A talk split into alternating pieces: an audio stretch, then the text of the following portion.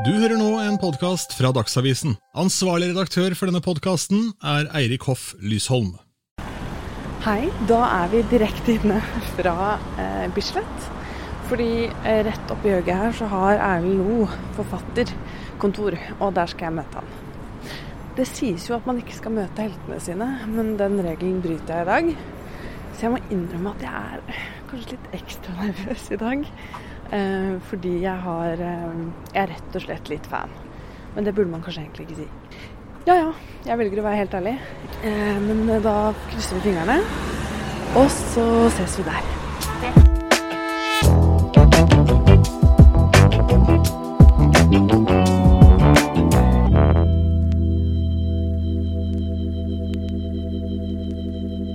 Hei, unnskyld, det var umulig å høre hva du sa i den klokken. Hvilken etasje er det? Tredje. Ok, unnskyld, jeg kom Ja, dette var jo en god start.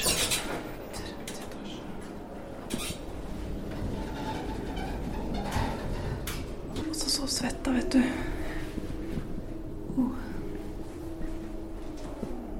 Tredje etasje. Hei. Hei. Nei, men velkommen.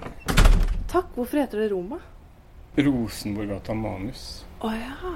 Fordi Rosenborggata er tverrgata her, og vi hadde kontor i den andre fløyen før. Ja. Så nå, men nå er vi her. ja. Her var det fint, da. Det er fint her. Ja. Jeg bare følger etter deg, jeg. Ja. Hvor vil du sitte? Ja, på den benken. Det kan vi kanskje like gjerne gjøre. Det er sikkert veldig bra. Skal jeg lage noe opplegg med kaffe og sånn? Eh, hvis du har lyst på kaffe, gjør det. Jeg har aldri smakt kaffe. Har du aldri smakt kaffe? jeg trenger ikke kaffe. Men vi kan godt lage kaffe. Ellers takk. Ja. Det går bra. Vann. Eh, vann er bra. Ja. Jeg tror du er den første voksenpersonen jeg har møtt som ikke drikker Ja. kaffe.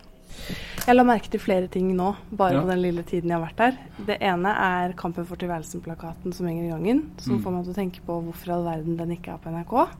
Fordi det er kanskje Norges beste serie, syns jeg. Ja, det er jo hyggelig at du syns Nei, det var, altså den er jo laga for noen år siden nå. 2013 og 2014, tror jeg. Um, og det var akkurat før alle de digitale rettighets... Eller det, det digitale rettighetsbildet på en måte forandra seg ganske radikalt. Så vi har skrevet ned på kontrakter som var for den gamle verden, kan du si. Og da virker det rett og slett som om det blir for dyrt for NRK å sende reprise. For da skal vi manusforfattere ha honorar, og skuespillere og regissører. Det koster dem, sier dem da, veldig mye. I forhold til hvor populær den er. Altså Den var godt likt av en liten gruppe. Og så var den nok uh, uglesett av alle som syntes den var for sær og rar og grov og alt mulig. Um, men jeg har begynt å like litt at den ikke er tilgjengelig. da. At det er sånn, en sånn ting som folk en del folk vet om som noe bra, og så finnes det ikke. Og så stadig vekk så blir jeg kontakta av folk hvor kan vi se en, og da er det en kar som har lagt den på en sånn Google Docs-lenke som man kan få tak i. Og, og sånn. Jeg liker det der hemmelighets, ulovlige hemmelighetskremmeriet rundt det. Men det er corny, selvfølgelig. Uh, og det andre jeg la merke til, var den Det var både syk enhjulssykkelen din som står der borte, men også at du har rett og slett en tatovering av en sykkel på beinet ditt. Mm. Alt dette Ja, eller for jeg har fått med meg at du har syklet på enhjulssykkel. At det har blitt en sånn ordentlig skikkelig hobby for deg. Ja, det er min eh, transport. Eh, det er sånn jeg kommer meg rundt, ja. Både til ja, hverdags og, og andre situasjoner. Men tatoveringen, Ja, den, var vært der, den har vært der i kanskje ti år. er det sant? Ja. Eh, men det er jo en vanlig, ordinær eh, sykkel, da. Så det var umoden 42-åring, så jeg laga den tatoveringa. Det overrasket meg litt sånn imagemessig at du hadde en tatovering. Ja, men sykkel eh, tenkte jeg på at det, det kan jeg godt ha tatoveringa. Eller det vil jeg gjerne ha tatoveringa. Jeg tror egentlig jeg må starte med en innrømmelse. Eh, fordi at eh, når jeg ringte deg og inviterte deg til podkasten, så var jo du på lista over liksom drømmegjester. Eh, Og nå er har jeg forsvunnet fra nå har, det, nå har du forduftet. Nei, men, men jeg ringte deg, og så sa jeg Så hadde jeg så mye æresfrykt. For du var kanskje en av de, den første forfatteren som jeg begynte å lese da jeg var sånn 15-16 år. Så jeg bare var helt sånn her Jeg vil snakke om forfatterskapet ditt, sa jeg til deg i telefonen. For jeg ble helt sånn der følte meg som en sånn P2-journalist plutselig, som jeg jo ikke er. Um, så det måtte jeg bare innrømme, da. At jeg var litt sånn Jeg solgte meg en veldig sånn pompøst i, ja. i starten der. Men det la jeg jeg- nok ikke merke til. Nei, du gjorde ikke det. Nei. Skjer det ofte at folk blir litt uh, nei, jeg merker ikke det på telefonen i hvert fall. Jeg kan jo kanskje se det når jeg møter dem, men Ja. nei, ikke så ofte. For jeg hørte på et intervju med deg hvor du sa at du ofte måtte gjennom en sånn vegg av at folk følte at de kjente deg. Ja, det tror jeg gjelder alle som er litt sånn kjent eller, eller halvkjent. At man møter verden gjennom et filter av ting som folk enten vet eller tror de vet eller har lest eller hørt eller Sånn er det jo litt. At når man møter folk flest, da, for å bruke det herlige uttrykket, så så vet vi jo ingenting om dem. Og så starter vi på null, og hva gjør du, og hva gjør du, og hvor var vi i sommer, og sånn. Mens når man møter noen man har sett på TV eller aviser eller lest ting av eller forskjellig, så er jo det en veldig ubalanse der. Og den eh, tar det jo litt tid å komme gjennom, ellers så kan man lære seg teknikker for å ignorere det. Og nå bryr jeg meg veldig lite om det, og prøver å være ja, som om det ikke fins, da. Og så kan folk kommentere det hvis de har lyst. Men jeg inviterer ikke til det. Hva er det du tror folk tror de vet om deg, da? Sånn hvis det skulle vært Nei, det bruker jeg virkelig ingen tid på å tenke på, så det bekymrer meg ikke. Så du er rett og slett litt uplaga kjendis? Ja ja, det er jeg i veldig stor grad. Jeg kan jo bli beklemt. Jeg er ikke så glad for um, at samtaler rundt et bord som er en del av, handler om meg, f.eks. Jeg er ikke så fryktelig opptatt av at jeg skal gjøre det. like mye bedre når det handler om noe annet. Jeg, hvorfor begynte du å skrive bøker, da? Hva var det som Hva var veien inn dit, egentlig? Ja. Nei, bare for å knytte an til det du nettopp sa, så er det jo en litt Det å gi ut bøker er jo en uheldig ting hvis man ikke har lyst på oppmerksomhet eller å være synlig. Så det er jo en dobbelthet. Man vil jo noen ting. Jeg vil jo noe. Jeg vil jo øh, si noe, jeg vil bli sett. Øh, men jeg vil jo gjerne bli sett gjennom det jeg skriver. Ikke først og fremst uh, som den konkrete personen i rommet, men i, i kraft av noen ting jeg har tenkt og gjort, da. Uh, alt sånn tenkte jeg jo ikke på i det hele tatt da jeg begynte å skrive. Det var bare en, en drift som var ganske ja, tydelig, markant, liksom, helt fra tidlig tenår. At jeg kjente at det der med språk og ord og fortelling og Det var veldig sterkt for meg, veldig fascinerende. og da hadde jeg jo brukt mye av oppveksten på å lese bøker og bli lest for, og skjønt at der lå noen ting som jeg kunne tenke meg å holde på med, da, på en eller annen måte. Så det var veldig tidlig. Og, og da jeg oppdaga at jeg på en måte hadde, et, hadde en stemme, hadde en tone, at det var ganske lett for meg, og at det kom av seg sjøl Jeg fryda meg til dels når jeg satt og liksom lot ja, tanker og ideer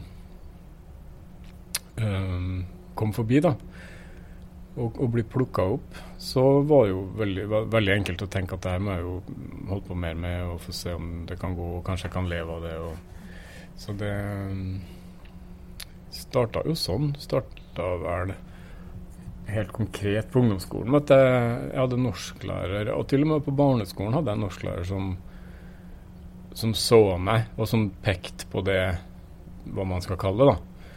Talentet eller uh, evnen eller lysten. Og det samme på, på, ungdomsskolen. sånn at jeg har vært litt heldig. Sånne ting tror jeg jo er utrolig viktig.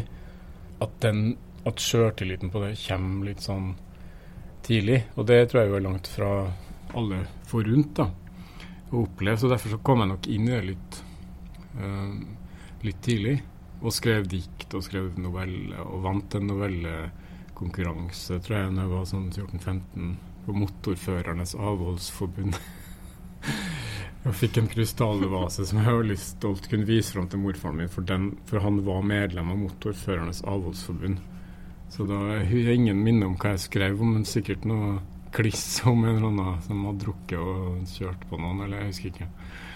Men eh, sånne små drypp, da som antyda at her var jeg på riktig vei, eller kunne bli journalist. Og vi hadde liksom Jeg hadde hatt sånn temauke i sjette klassen hvor hele skolen gjorde forskjellige ting. Jeg husker jo ikke noe av hva andre gjorde, men jeg var på sånn avisgruppe hvor vi skrev saker, intervjua, trykt på sånn stensil, sånn som egentlig jeg forbinder med motstandsarbeid i krigen. At du så ruller på sånn blå Tømmer på sånn blå blått blekk og, og ruller en stensil. Da.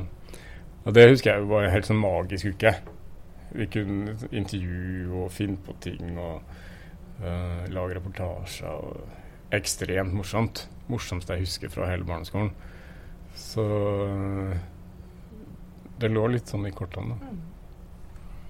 Husker du din første anmeldelse, eller første liksom, reaksjon når du ga ut? Jeg husker kanskje ikke første anmeldelse, men jeg husker at uh, jeg, Der var jeg jo på en måte Hva skal jeg si heldig eller god timing eller Jeg vet jo ikke hva man skal kalle det. Men jeg fikk jo noen veldig gode anmeldelser helt i starten med den første boka som het 'Tatt av kvinnen'. Så var det sånn uh, Ja, det var seks i VG. Jeg husker ikke hva han het. Han uh, tror ikke han lever lenger. Um, og positivt av uh, Erik Fosnes Hansen, som var liksom bare litt eldre enn meg, og, men likevel et slags han hadde kommet inn i de gode um, rommene med sin uh, bok 'Salme ved reisens slutt', som liksom tok helt av. da. Um, så det var veldig sånn positivt. Uh, jeg følte at jeg kom rett inn i det. Og ble tatt imot med åpne armer. Og, og, det var jeg jo ikke forberedt på i det hele tatt, men det var kjempemorsomt, bare. Altså, jeg var jo 23-24 år. Og hadde jo aldri tenkt på hva, det, hva som lå i andre enden av å publisere bok. Så det var jo var flere, ganske mange år med forvirring. Altså sjølbildet. Hvem er jeg nå? Er jeg noen andre? Er liksom berømt? Er en kjempeviktig forfatter? Altså masse sånne rot som man strever med. da. Og som det ikke finnes noen oppskrift på. Så ingen kan fortelle deg det. Foreldrene dine vet ikke noe om det. Folk rundt deg tenker kanskje at du, man, ok, han holder på å bli høyt på pærene, forandre seg. Uh, det er mye der som, som jeg tror uh, Jeg har jo ikke opplevd ekstremvarianten av det, men uh, noe av det. Forandrer du deg? Jeg tror jo kanskje ikke det, men sjøltillitsmessig gjorde jeg jo sikkert det. Jeg hadde vært, vært relativt usikker på enkelte områder, sosiale områder. kjæresteopplegg. Jeg hadde ikke vært noen sånn sikker type på det. Um, så, så det hjelper. Det å bli sett av omverdenen på den måten pekt på når man er ganske ung, er jo nokså ja, spesielt og fascinerende. Og jeg tror det er lett å miste litt fotfeste. Det ser man jo på de aller fleste. Hvis du, hvis du tar ekstremvarianten av berømmelse, og plutselig berømmelse, penger, verdens liksom herredømme på altså musikere og hvem det nå kan være. Det er veldig få av dem som klarer seg uskada de første årene der. Og så finner de ofte ut av det. da. Men det der vet jeg selvfølgelig mindre om. Men hvordan landa du i det, da? Du sa at du hadde en identitetskrise. Hva, hva var fasiten? Hvem, hvem følte du at du var? Ja, nei, Jeg vet ikke om jeg hadde identitetskrise, men i hvert fall identitetsjustering, da. Mm. Uh, jeg, jeg, var jo sånn som jeg alltid hadde vært, og, og er fortsatt. Men med den ekstra dimensjonen at nå vet plutselig mange om meg. Eh, det finnes forventninger som er utrolig skumle ting. Uh, hva skal han gjøre neste gang? Uh, kommer den boka til å bli like bra som den? Uh, alt det der tar det jo veldig lang tid å jobbe seg gjennom.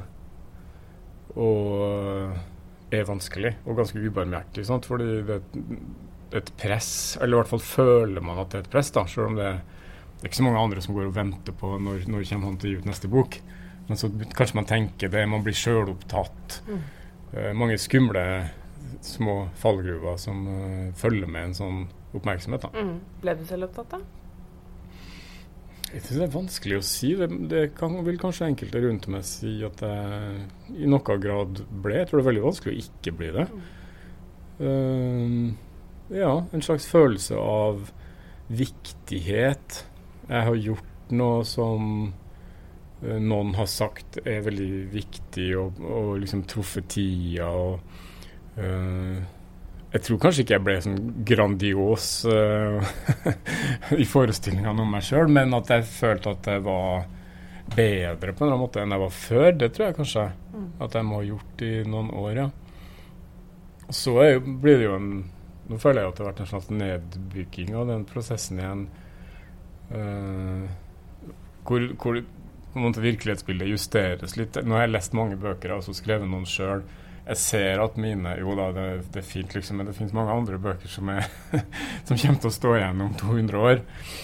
Uh, før mine gjør det. Så alt det der er en lang, smertefull justeringsprosess.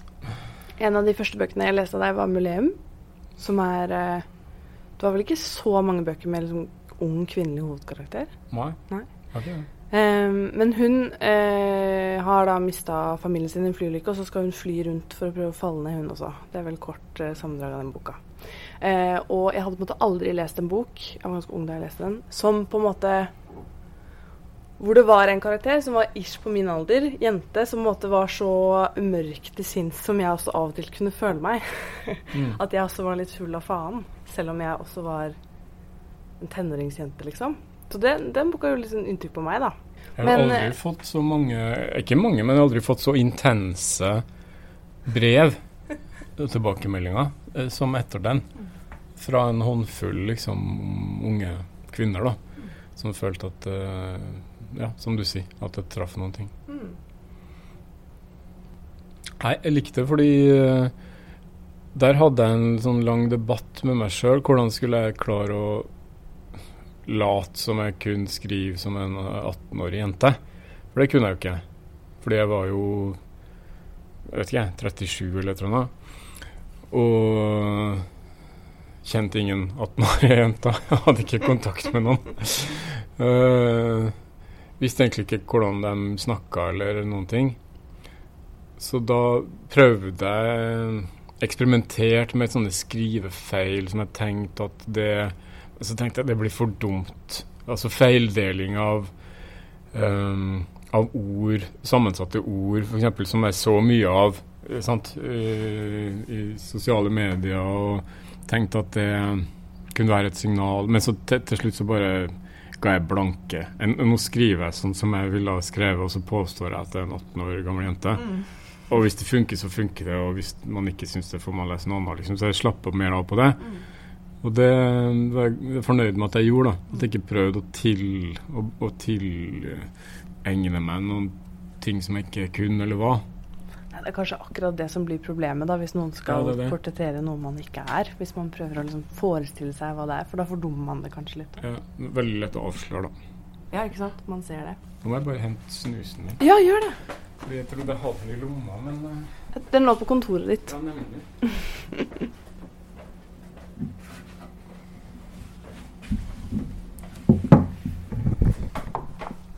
egentlig poenget mitt med den anekdoten der om Mulem var at eh, mange av karakterene dine i bøkene dine er jo ofte mm, litt rare, noen ganger litt usympatiske, eller eventuelt ganske veldig.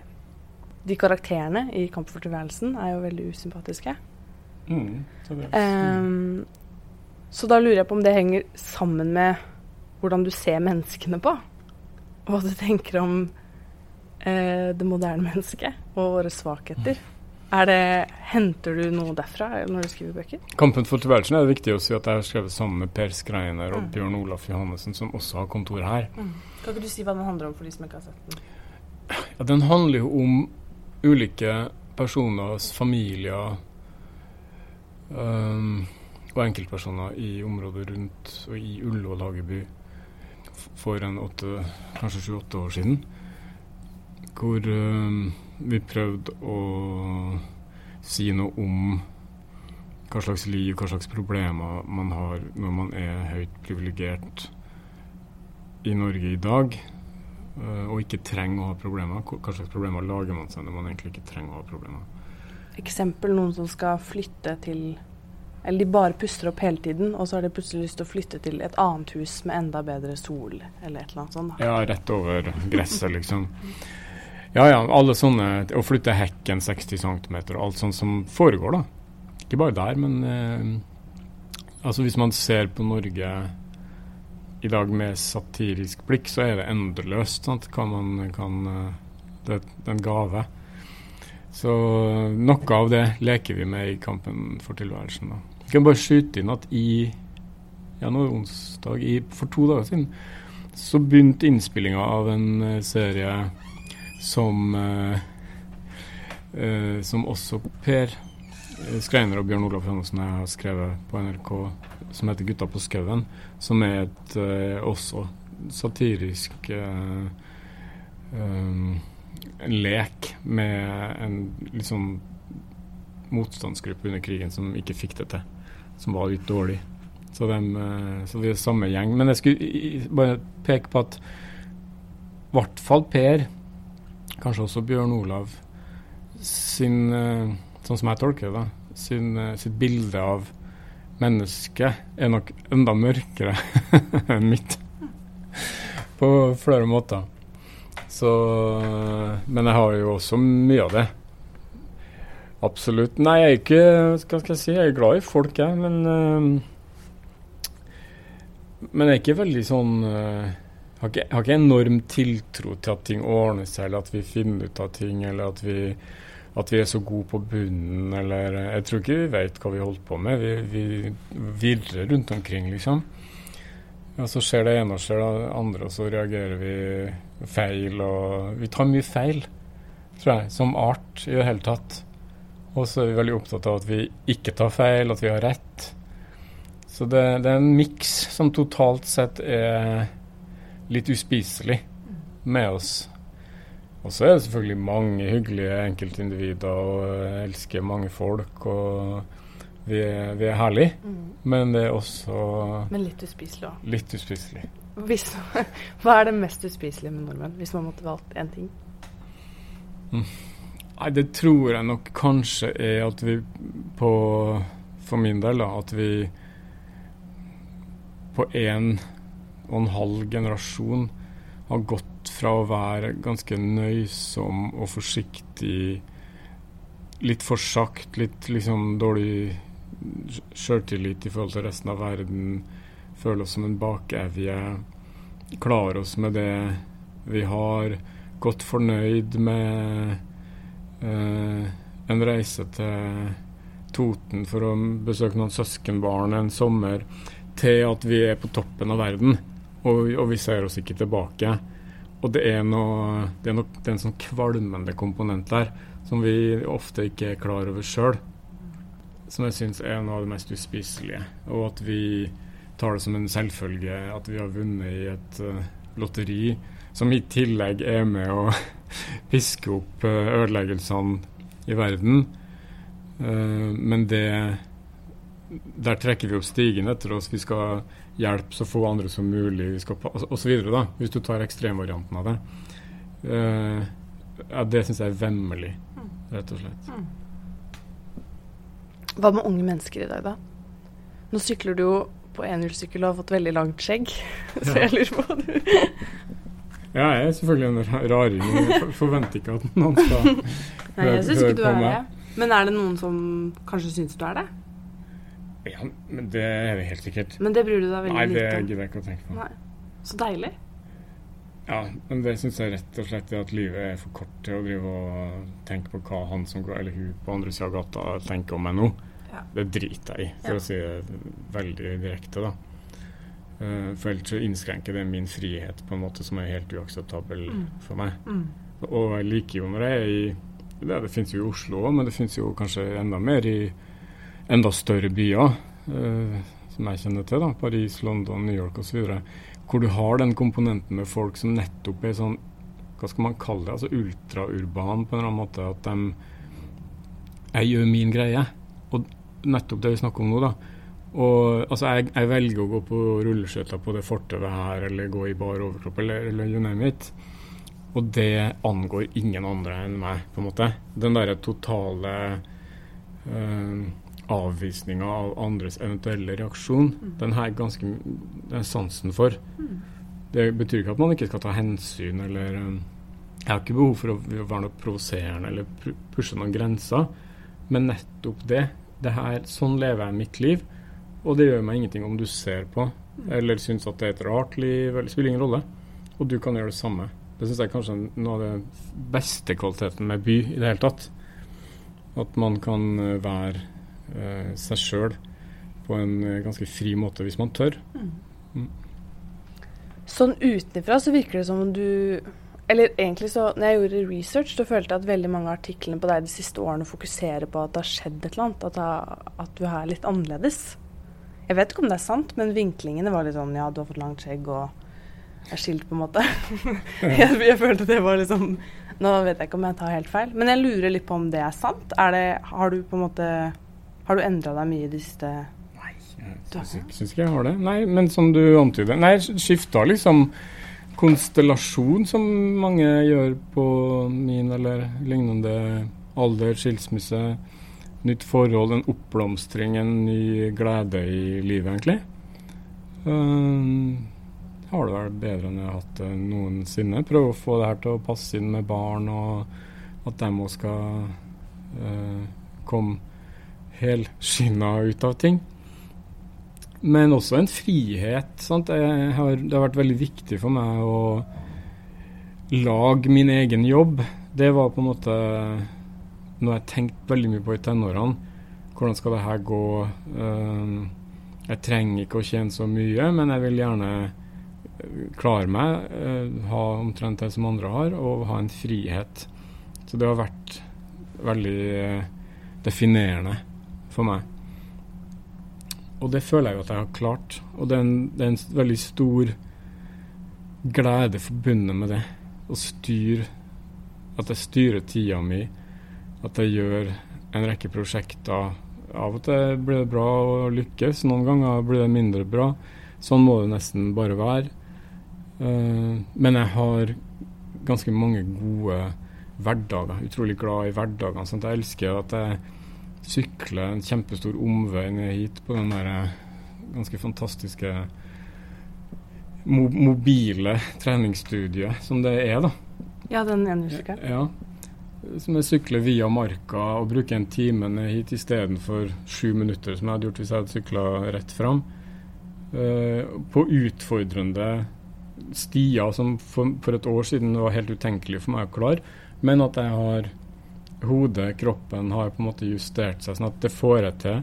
Jeg er helt utslitt når jeg kommer fram og veldig øh, fornøyd, rett og slett. da. Så det, det, og da setter jeg meg og jobber. Så jeg, jeg har det bra, liksom. Mm. Ja. Kan du fortelle om den oppblomstringen? Fordi Sånn som meg, da. Jeg er 25 år, og jeg føler selv at samfunnet forteller meg at hvis ikke jeg har alt på plass, eller funnet et eller annet svar innen jeg er 30, så er jeg egentlig ikke verdt noe. Eh, så derfor syns jeg det er litt interessant at man på en måte kan finne en sånn ny lykke eh, når man blir litt eldre. Kan ikke du fortelle om det? Hva legger du i liksom den oppblomstringa? Nei, jeg har jo vært 25 og fornøyd. Uh på mange måter. Men det handler jo om så mange ting. Altså Ikke at du finner eh, Ikke at du krysser på alt man skal krysse på. Leilighet og partner og barn og jobb og lån og hytte og alt det der. Men eh, at man er seg sjøl på det stedet omtrent som man ønsker å være. Eh, som for min del har handla mye om altså Det er jo ikke hele livet, men for meg har det å um, være i kontakt med Hva skal jeg si den, den, den skapende delen av meg, da. Ideer hele tida. Og nå, fikk, nå, begynte jeg å tenke på det her. Kan det bli en bok? Hva kan det bli? Hva kan jeg bruke det til? Altså den ja, nesten evige, i hvert fall så langt, prosessen som pågår hele tida, som er en, en ballspilling med egne ideer. Mm. Det er en enormt stor glede rundt. Det er noe av det viktigste for meg. Så kan det hende at det viser seg at det ikke blir bra, men, men, eh, men den prosessen, det er jo på en måte nok i seg sjøl. Um, hvis, hvis, jeg har det, så er jeg også avslappa. Da er jeg der jeg vil være. Men jeg skjønner jo nå at det er kanskje mer enn før et stress ja, i unge om uh, posisjon og jobber, og det er jo helt umulig å komme seg inn på boligmarkedet i Oslo f.eks. Mm. og andre store byer. Som det føltes nesten som da jeg var 25 år. Men nå har det selvfølgelig blitt økt uh, mange, mange prosent i tillegg, så du må Man føler man alltid er på vei, liksom. Jeg er liksom alltid under konstruksjon, um, og da er det noen ganger så er det vanskelig å hvile i der man er, eller være til stede der man Ja, er, da. det forstår jeg kjempegodt. Men uh, Men den nye kjærligheten var det egentlig jeg hadde aller mest lyst Ja. til at du skulle si noe om. jeg skjønner det. Um, For du ble jo forelska, gjorde du ikke det? Jo, jo. Veldig. Og jeg er forelska. det preger jo livet på en Ja. veldig fin måte. Ja. Nei, men det er jo ikke noe Jeg syns jo ikke du skal gå og vente på at det skal skje om 23 år. Nei da. Men uh, Jeg, har, jeg er forelska, jeg også. ja, det er bra. Nei, å oppleve det etter eh, mange år i et annet samliv, uten å si så mye om det, Mm. er jo eh, en, en enorm stor glede og en gave uten like. Å føle at det er en ny dør som har åpna seg i livet som jeg ikke ante at skulle åpne seg, at det eksisterte for en sånn som meg i det hele tatt. Altså alt det som man føler eh, og leser i bøker at andre har følt. Hva er det du Hva er nye ting er det du har gjort etter at du, som ikke egentlig har noe med henne å gjøre, men som er Var det da den sykelen kom? Nei. Ikke på grunn av det, Nei, ok. men eh, ja, nei. For når man er forelska, så blir man jo ofte Man får jo en ny sånn Man kan f.eks. bli veldig inspirert, eller Ja. eh, begynne med nye ting som er veldig bra for en. Ja, jeg vet ikke om jeg har begynt med så mye nytt, men det er bare en kilde til vedvarende glede og føles som det viktigste i livet. Sånt. Det er den motoren som Hvis den ikke hadde vært der, så er det nesten umulig for meg nå å vite hvem jeg hadde vært da.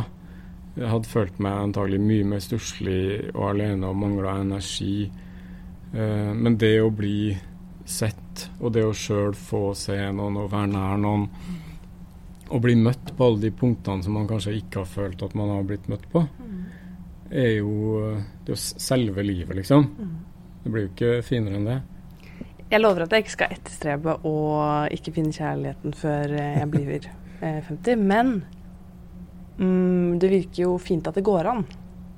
Akkurat som når besteforeldrene til noen jeg kjenner, eller bestefaren til en jeg kjenner, ble bare sånn nyforelska i en alder av 80. Ja.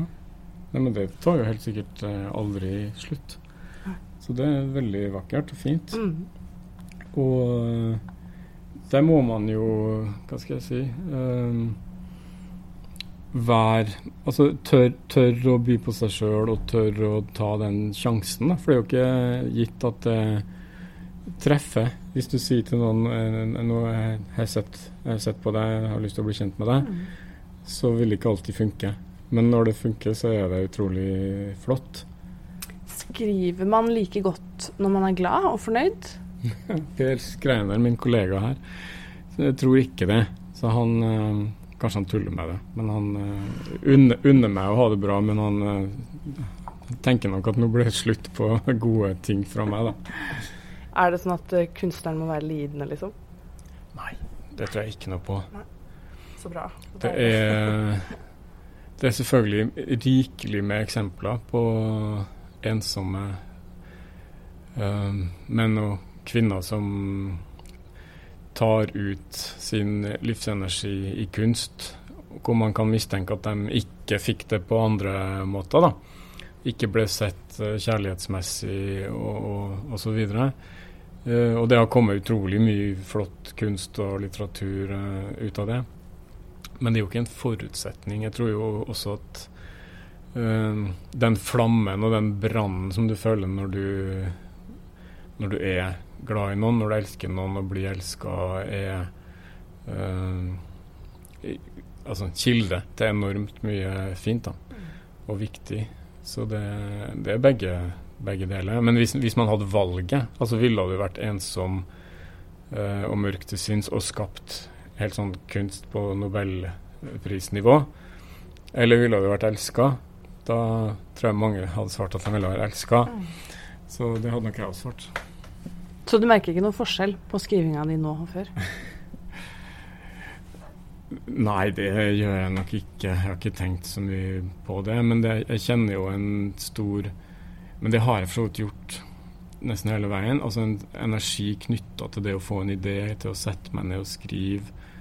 Um, men, men, for meg henger det ikke sammen på den direkte måten. Har du hatt skrivesperre før? Eller kan noen mene at det ikke fins? Jeg vet ikke hva du mener. Nei, ja, jeg, har, jeg, jeg, kjenner ikke til det fenomenet. Jeg har lest om det og hørt at folk snakker om det.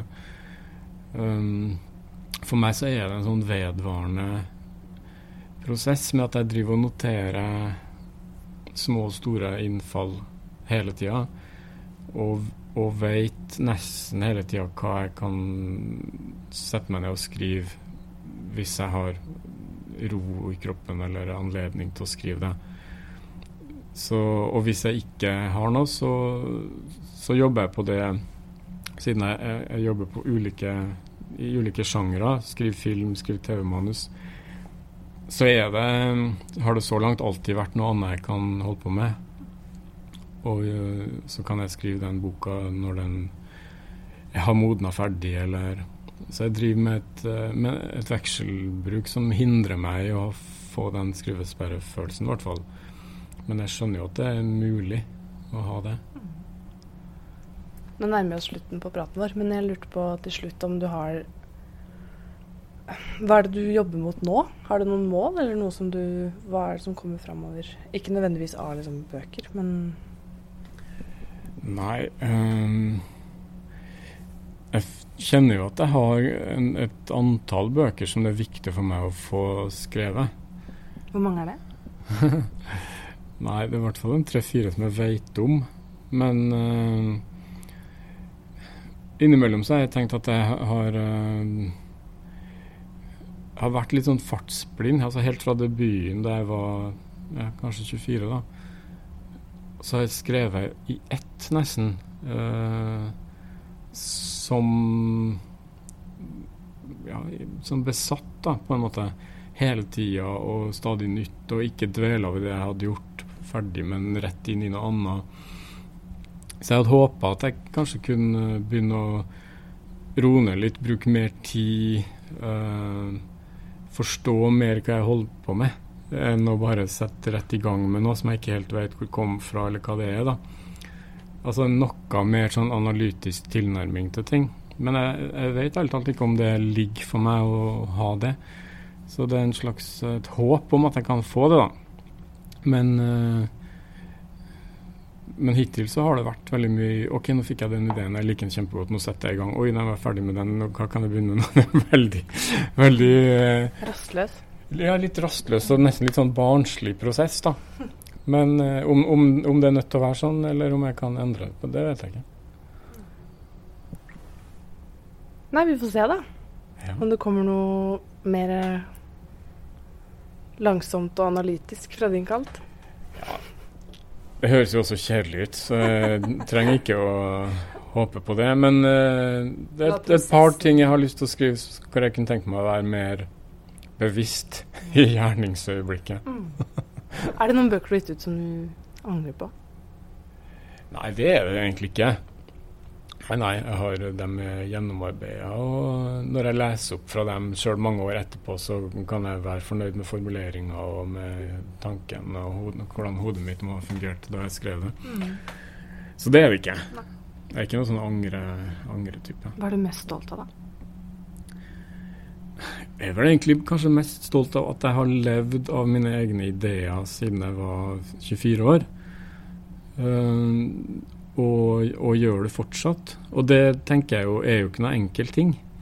Det, det er jeg godt fornøyd med. Og så er det selvfølgelig, som sagt, noen ganger treffer man tida si og er heldig og får masse oppmerksomhet, og andre ganger så er det litt mer usynlig og ja, blir kanskje ikke plukka opp av uh, så mange. Men uh, i kraft av å være litt bredt anlagt og skrive ulike ting, så holder det meg gående. da. Mm. Det er jeg fornøyd med. Mm. Selvfølgelig fornøyd med at jeg har skrevet noen bøker som har blitt oversatt til mange land. og øh, eh, Åpna en del dører for meg. Og, så det er mange ting jeg er fornøyd med. Mm. Det syns jeg du burde være.